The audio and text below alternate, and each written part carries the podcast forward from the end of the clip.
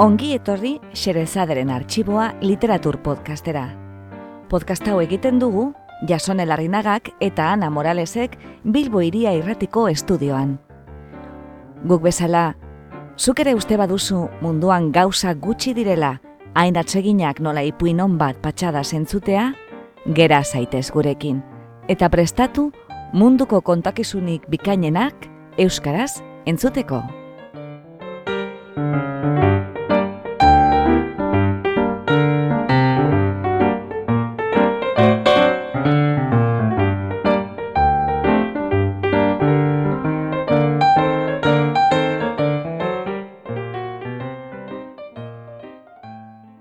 Gaur Xerezaderen arxiboan, Kalifornia berria. Egilea, Lima Barreto. Itzultzailea eta sarreraren egilea, Inigo Roke. Hau da Inigo Rokek atal honetarako prestatu digun aurkezpena. Xerezade. Sarrera entziklopediko antzeko bat prestatu dizut gaurko idazlea aurkezteko, jendeak pentsa ez desan gurea la xokeria utza denik. Afonso Enriquez de Lima Barreto Brasildar idazle eta kasetaria, Rio de Janeiro jaio zen mila sortzireon eta larogeta batean, eta mila bedretzeon eta hogeta batean hiltzen hiri berean. Oso kritiko zorrotza izan zen bere garaiko sistema politikoarekin, eta gizarte privilegioak zein arrasakeria salatu zituen engaiamendu handiz. Gizarteko apalenen ahotza izan zen, ahotzik gabeena. Aipatzekoa da gainera, barreto mulatoa zela, eta gertutik bizi behar izan zituela, bidegabekeria eta mespretsua. Bizitzako azken urteak, ospitale psikiatriko batean eman zituen, idazteari behin ere utzi gabe. Emeretzigarren mendeko errealismoari atxiki zitzaion, baina haren estiloa etzen bat ere apaindua izan. Bizi-bizia zen, kalekoa, manierismorik gabekoa. Gerora, Brasilgo idazle modernistek jakin zuten ura estimatzen, eta neurri batean, arekin sordun agertu ziren. Denetariko generoak landu zituen, kronika eleberria, kontakizunak. Haren lanik nabarmenenak dira, besteak beste, triste film de Polikarpo Kuaresma eleberria, marginalia artikulo bilduma, eta simiterio dos vivos hilostean argitaraturiko zoroetxeko kronika laburra.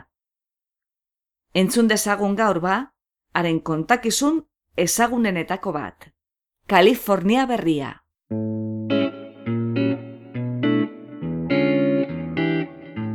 Kalifornia berria. Lima Barreto.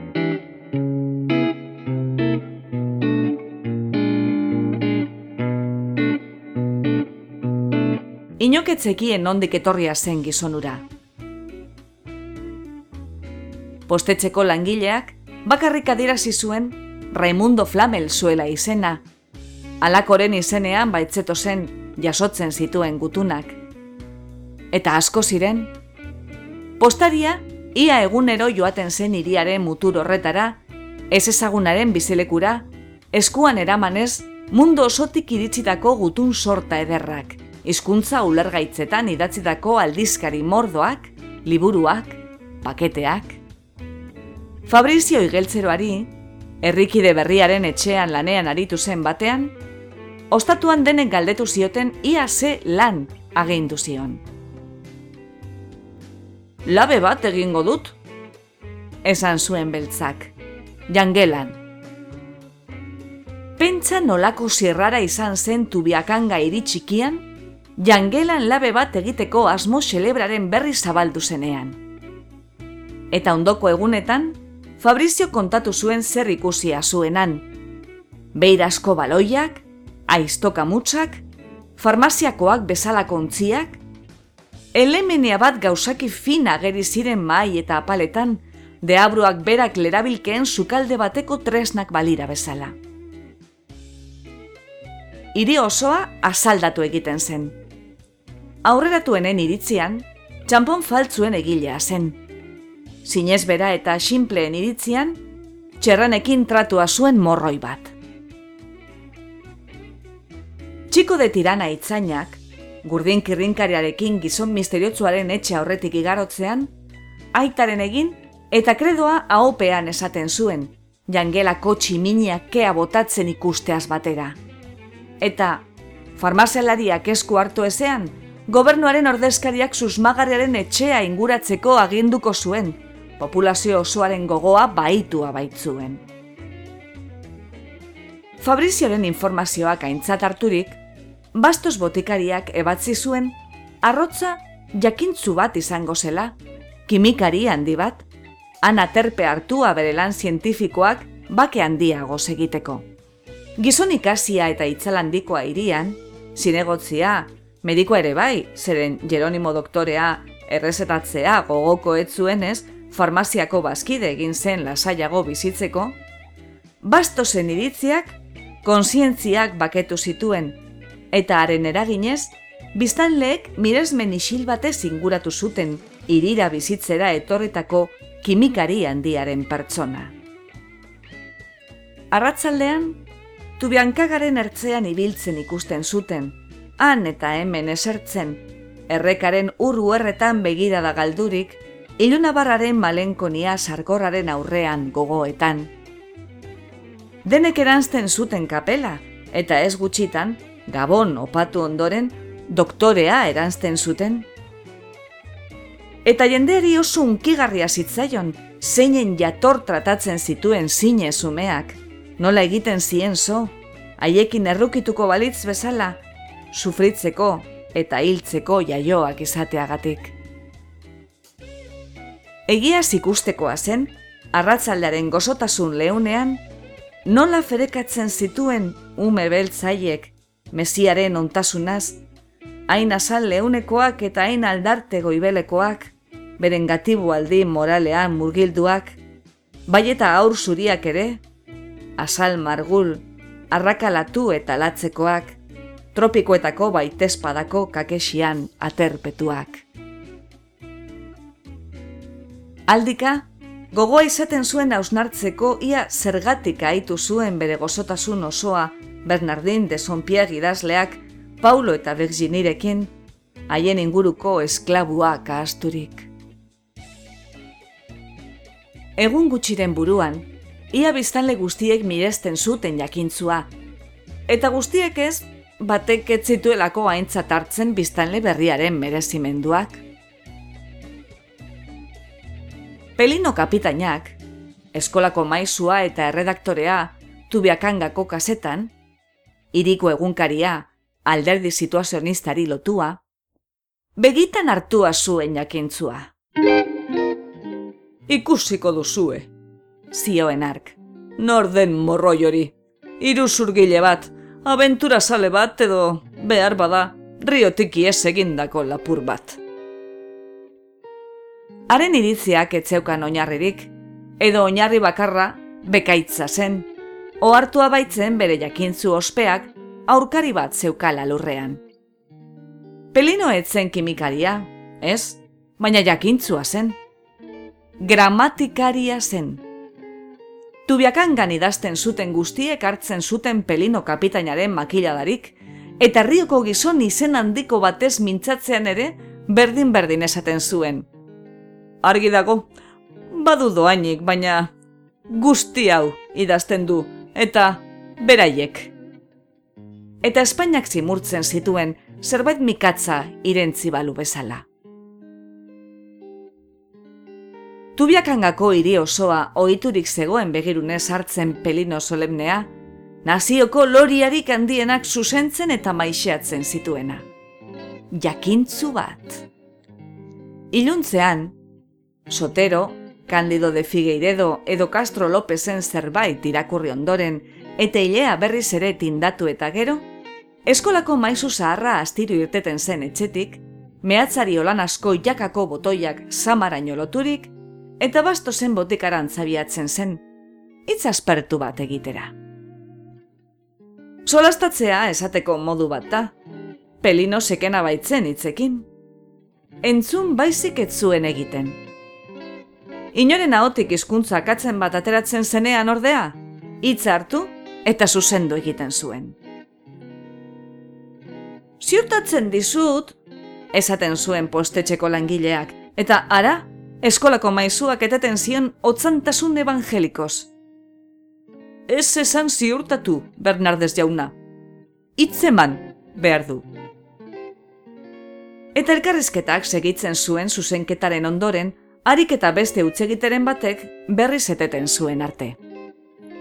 Alakongatik eta antzekoengatik, lagun asko aldendu ziren solasaldiotatik, baina pelinok, ez xola, bere bete beharretan sendo, jarraitzen zuen jatortasunaren aldeko apostolutza lanetan.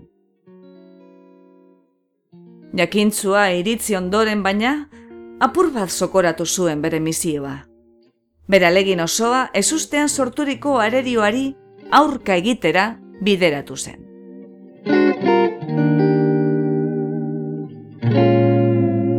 Alferrekoak izan ziren haren hitzak eta etorria.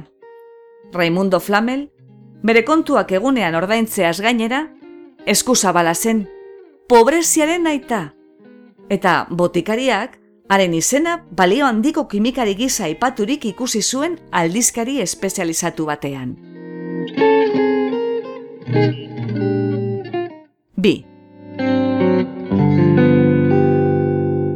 Urteak ziren kimikaria tubiakangan bizi zela, bastosek botikara sartzen ikusi zuenean. Berealdiko posa hartu zuen botikariak.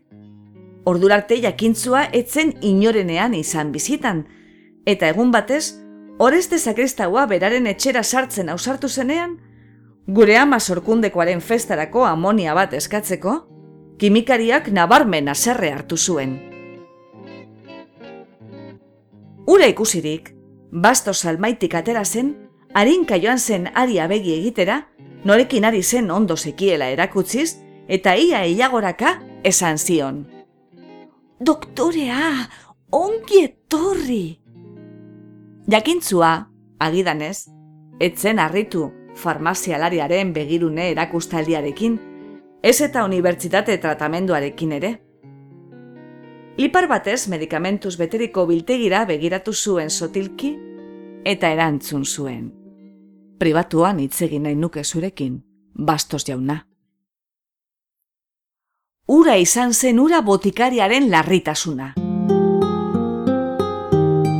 zertan lagundu ziezaiokeen berak mundua korritutako eta berri paperek hain goraki aipatzen zuten gizonari. Dirua ote zen? Behar bada? Errenta ordaintzeko atzeratuta ibil zitekeen? Nok jakin? Eta kimikaria etxe barrura sartu zuen, ikastuna larriturik begira segokiola, hain larriturik ezen pixka batean eskua egonean utzi baitzuen motrailuan, egoskin bat xeatzeari utzirik. Azkenean, atzealdera iritsi ziren, atze atzera, azterketa mediko sakonenetarako edo ebakuntza txikietarako erabiltzen zuen gelara, zeren bastosek ebakuntzak ere egiten baitzituen. Jesarri ziren, eta flamel bere ala hasi zen izketan. Jaunak jakingo duenez, kimika dut lanbide. Eta nire izenak, entzute handia du jakin zuen munduan. Ondo daki, doktorea, adizkideak jakinaren gainean jarri ditut hemen gainera. Mila esker. Arira. Aurkikunde handi bat egin dut. Miragarria. Jakintzuak, bere suartasunak lotzaturik, eten bat egin eta segitzen du. Aurkikunde baina ez da komeni oraingoz jakintzuen munduari horren berri ematea. Ulertzen duzu? Ederki! Horregatik behar ditut izen honeko hiru lagun. Esperimentuaren lekuko izan daitezen eta ari buruzko ziurtagiri formal bat zina desaten, nire asmakariaren lehentasuna gordetzeko. Jaun horrek badakienez, ustekabeko ez beharrak izaten dira, eta... Ala da, espairik gabe? Eman dezagun jauna, urrea egitea dela kontua. Nolatan, zer? Galdetzen du bastosek begiak zabalduz. Bai, urrea. Dio errime flamelek. Nola? Jauna ohartuko denez, dio kimikariak hotz eta motz. Oraingo kontua da saiakuntzan lekuko izango direnak bilatzea, ezta? Benetan ezinbestekoa da zure eskubideak gordeta egotea, zeren zu zeu zara hoietako bat. Eten zion jakintzuak. Besteak norri izan daitezken esango aldidazu otoi bastos jauna? Botikariak gogoeta egin zuen pixka batean, bere ezagunak aintzat hartuz, eta hiru minuturen buruan galdetu zuen. Balio aldizu bentez koronelak? Ezagutzen duzu? Ez. Badakizu jauna ez dudala harremanik hemengo inorekin. Hitz ematen dizut gizon arteza dela. Aberatza eta oso diskretua. Sinestu nalda? Galdetzen dizut, erantzi zuen berehala flamelek. Hilen esurrak eta bili behar ditugulako. Hoiek bakarrik balio baitute. Baita, ia ateoa da. Ederki, onartuta. Eta bestea? Bastos gogoetari lotu zitzaion berriro, eta orduko hartan lehen baino gehiago lusatu zen bere oroimenean aztarrika. Azkenean hitz egin zuen.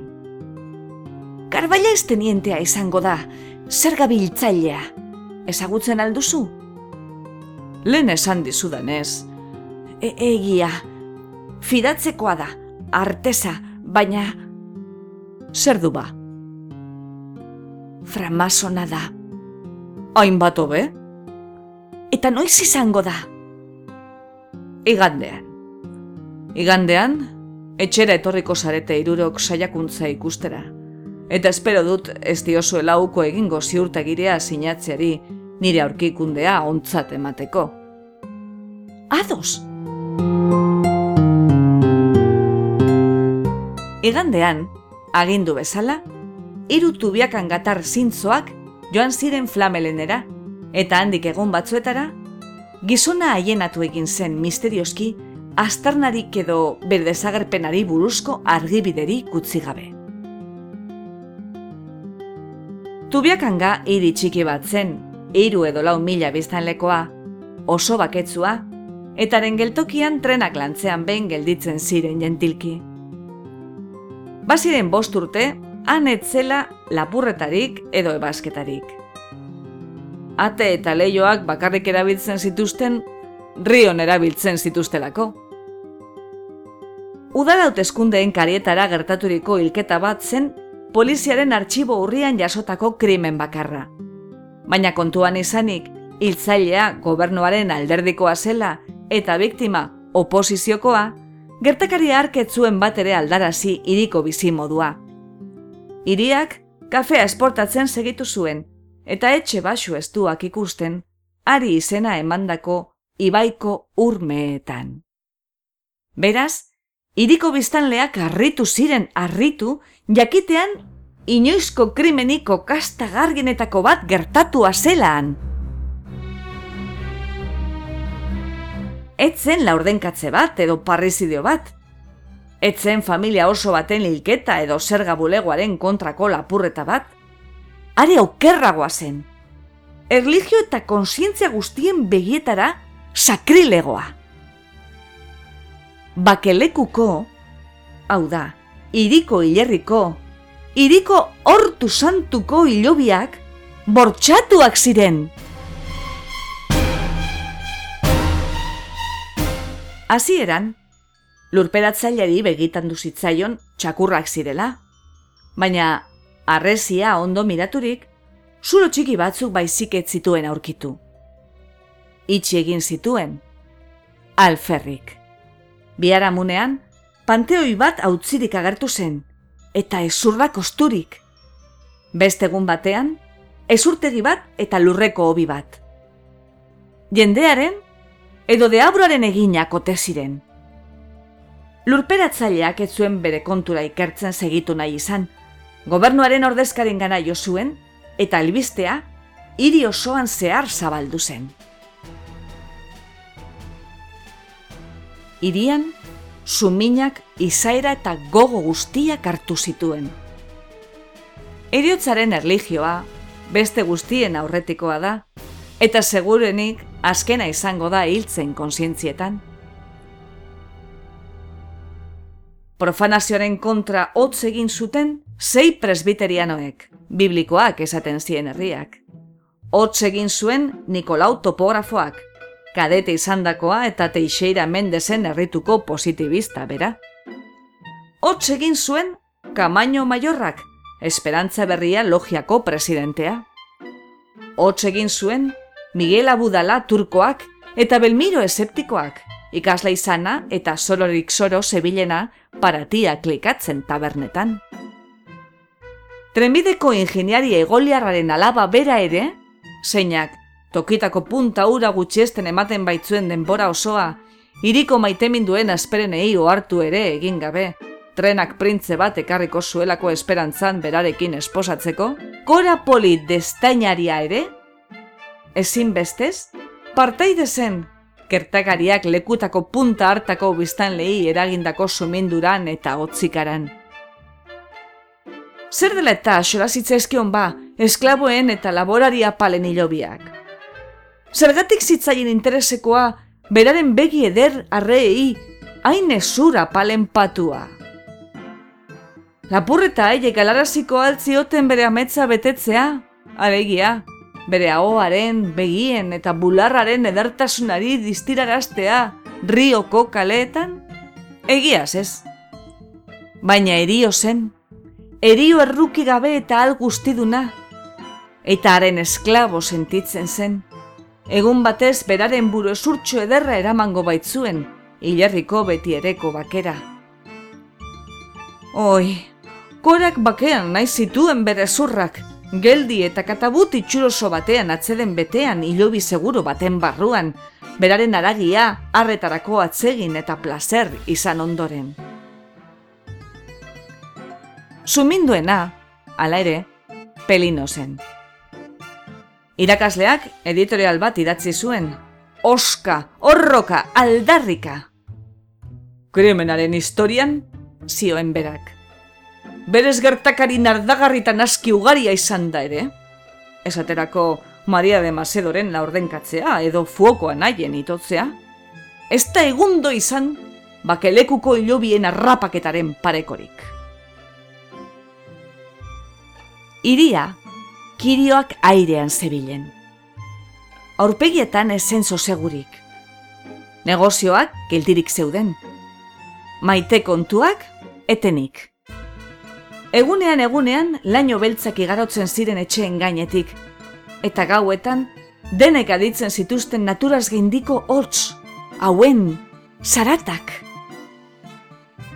Bazirudien, hilak mendeku eskeari zirela. Arrapaketak ordea, etzuen etenik izan. Gauero, bizpairu hilobi zabaltzen eta usten ziren, ehortzitako ondakinak eramanik. Biztanle guztiek erabaki zuten denak batera beren arbasoen ezurrak zaintzera joatea. Goizetik joan ziren, baina laster, nekeak eta logaleak beraturik, bat erretiratu zen. Gero beste bat, eta goizalderako, etzen jagolerik eratzen. Egun hartan, ahatik, lurperatzaileak ikusi zuen bi hilobi zabaldu eta ezurrak norabait eramanak zituztela. Orduan guardia bat antolatu zuten. Amar gizonek zin egin zuten, gobernuaren ordezkariaren aurrean, gauean hilen egoitza zainduko zutela. Etzen aparteko ezer gertatu lehenbiziko gauean, bigarrenean, hirugarrenean. Baina, laugarrenean, jagoleak lokartzekotan zirela, haietako batek begiztatu uste izan zuen mulko bat irristatzen lurreko ilobien alderdian. Lasterka joan ziren, eta vampiroetako bi atzeman zituzten. ezin izan zioten amorruari eta suminari eutzi. Ordurarte, sentipenok lo egonak baitziren haien aldartean, eta inbeste makila da eman zizkieten lapur makabroi, esen zerraldo utzi baitzituzten, hilen pare. Albistea berehala zabaldu zen etxerik etxe, eta goizean, gaizkilen nortasun argitzen saiatu zirelarik, iritar guztien aurrean identifikatu zituzten, karbailaiz zergabiltzailea eta bentez koronela, lurjabea beratza eta ganberako presidentea. Azkena oraindik bizirik zegoen, eta behin eta berriro galdetu ondoren, esan ahal izan zuen, ezurrak urrea egiteko batzen zituztela, eta ies egindako laguna farmazialaria zela. Larridura eta esperantza. Nola egin urrea ezurrekin? Nola zitekeen? Eta, hala ere? Nolatan makurtuko zen gizon dirudunura? Hildakoak ostereño, benetan egia espalitz. Alakorik egin baliteke, gorpuzki ziztrin aietatik sosik ateratzerik balego, ez alitzateke ederra haientzat guztientzat. Postariak, aspaldeko ametsa semeak ikastea baitzuen, berela ikusi zuenan horretarako dirubidea. Kastrioto bake epailaren idazkariari, aurrek urtean etxe bat erosi baina ezitzeko modurik izan espaitzuen, soroa eta bereak babesteko arrezia etorri zitzaion burura. Markez etxaldekoari, urteetan baskaleku bat erosteko soraturik ibilea, bereala etorri zitzaion gogora kostaren larre berdea, abelgorriak gizentzeko eta indartzeko egokia. Bakoitzaren behar izanen arabera, ezuraiek etorriak ziren haiek zerbitzatzeko, asetzeko, soriontzu egiteko. Eta bi edo hiru mila lagun haiek, gizon, ume, emakume, gazte naizar, farmazialariaren era joan ziren antxintxika, pertsona bakarra balira bezala.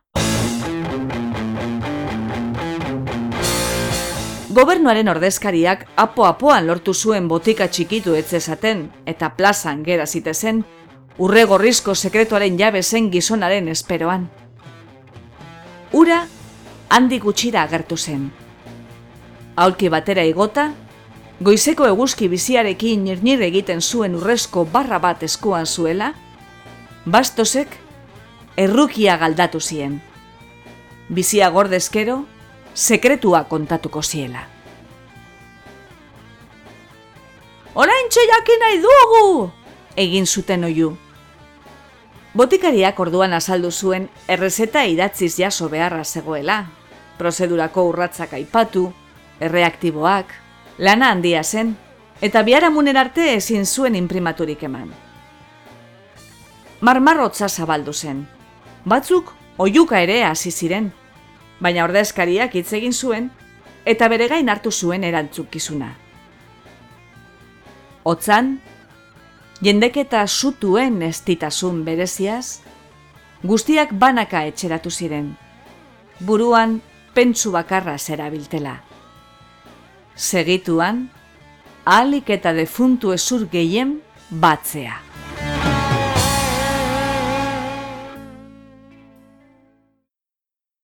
Trenbideko ingeniari egoiliarraren etxera iritsi zen gertakariaren hotza. Afaritan, etzen beste izpiderik izan. Ingeniariak, berak ikasitakotik, segitu zuen ura ezinezkoa zela. Alkimea zen, aspalde baztertutako jakintza bat. Urrea, urre da, elementu bakuna, eta ezurra, ezur da, konposatu bat, kaltzio fosfatoa. Aztakeria bat zen pentsatzea gauza bat beste bat bihurtzitekeela. Kora, abaguneaz baliatu zen, basa jendearen ankerkeraren kontura, Petropolisko eran barre egiteko. Baina, haren amak, Emilia Andreak, basuen ustea, egia izan zitekeela.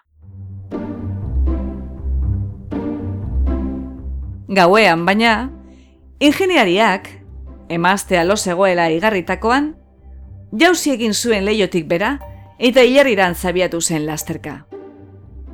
Kora, oinutzik eta txapinak eskuetan, neskamearen bila joan zen, elkarrekin joateko esurrak biltzera. Ez zuen aurkitu, bakarrik joan zen. Eta Emilia Andreak, bakarrik zegoela konturaturik, nora joanak ziren barrundatu zuen, eta bera ere, ara joan zen. Eta laxe gertatu zen hiri osoan. Aita, semeari tutik esan gabe, irteten zen. Emaztea, gizonari ziria sartua ziolakoan, irteten zen. Semeak, alabak, zerbitzariak, biztanle guztiak, izar harrituen argipean, bakelekuko itzordu satanikora joan ziren harineketan. Batek ere ez zuen utz egin. Aberatzena eta ez edukiena han ziren. Han ziren Manuel Turkoa, Pelino irakaslea, Jeronimo doktorea, Kamaino maiorra. Kora ere, kora eder eta distiratzua, alabastrosko atzamarduna, anari zen hilobietako materian astarrika, aragia erausten, zeina oraindik ustelik ezurrei tinkoa txikia baitzegoen, eta haiekin bere altzo ordurartea gorra betetzen zuen. Bere dotea jasotzen ari zen, eta beraren sudurzuloek, ego arrosakara eta ia gardenetan zabalik, ez zuten aitzen lurrun atxituan aireratzen zen eun uste lenkiratza. Iztiluak, laster agertu ziren. Hildakoak gutxi ziren, eta ez ziren aski bizien gozea berdintzeko. Labankadak izan ziren, tiroak, kokotekoak. Pelinok, turkoa sastakatu zuen, izterrezur bat zela eta. Aiden artean ere, izan ziren izkanbilak. Postaria etaren semea izan ziren bakarrak, beren artean borroka egin ez zutenak. Batera eta elkar hartuta jardun zuten. Eta behin mutikoak, amaika urteko aur bizkorrarera, aholku bat ere eman zion aitari. Aita, guazen amatxo dauen lekura, hain zen lodia?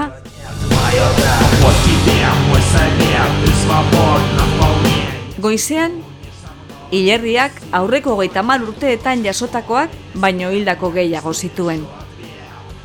Lagun bakarra falta zen. Berak zuen inorril, ez da hilobirik profanatu ere. Belmiro Moskortia Atea erdirekita zuen ostatu batera sartu zen, eta barruan inortxore etzegoenez, botila bat parati hartu, eta zurrutari eman zion tubikangaren ertzean eserita.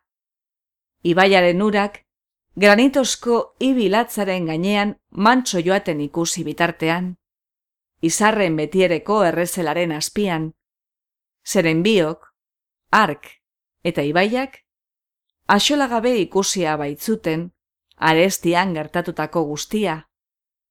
Baita farmazialariaren iesaldia ere, bere urregorria eta sekretua eramanik alde egin zuenean.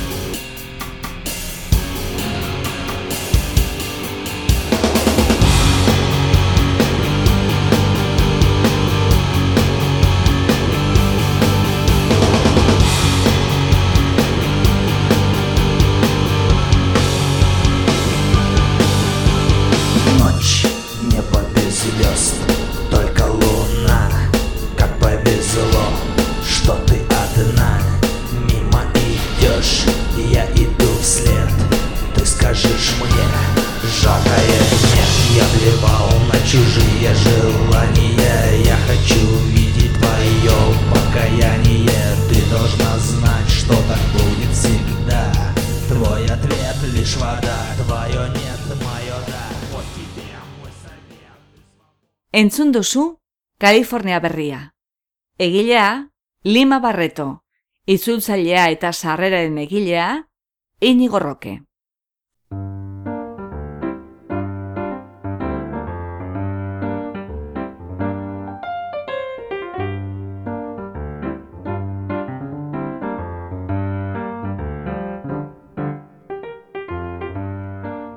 Xerezaderen artxiboko beste atal bat entzun duzu. Gure doinoa da, Charleston Behind the Attic Door, Dance of the Wind taldearena. Besterik adierazi ezean, gure musikak jamendo.cometik hartuak dira, eta soinu efektuak berriz, freesound.cometik ateratakoak. Podcast hau egiten dugu Jason Elarrinagak eta Ana Moralesek Bilbo Iria Errotiko Estudioan, Leioan eta Mungian. Mila esker gurera hurbiltzeagatik. Gustura egon bazara?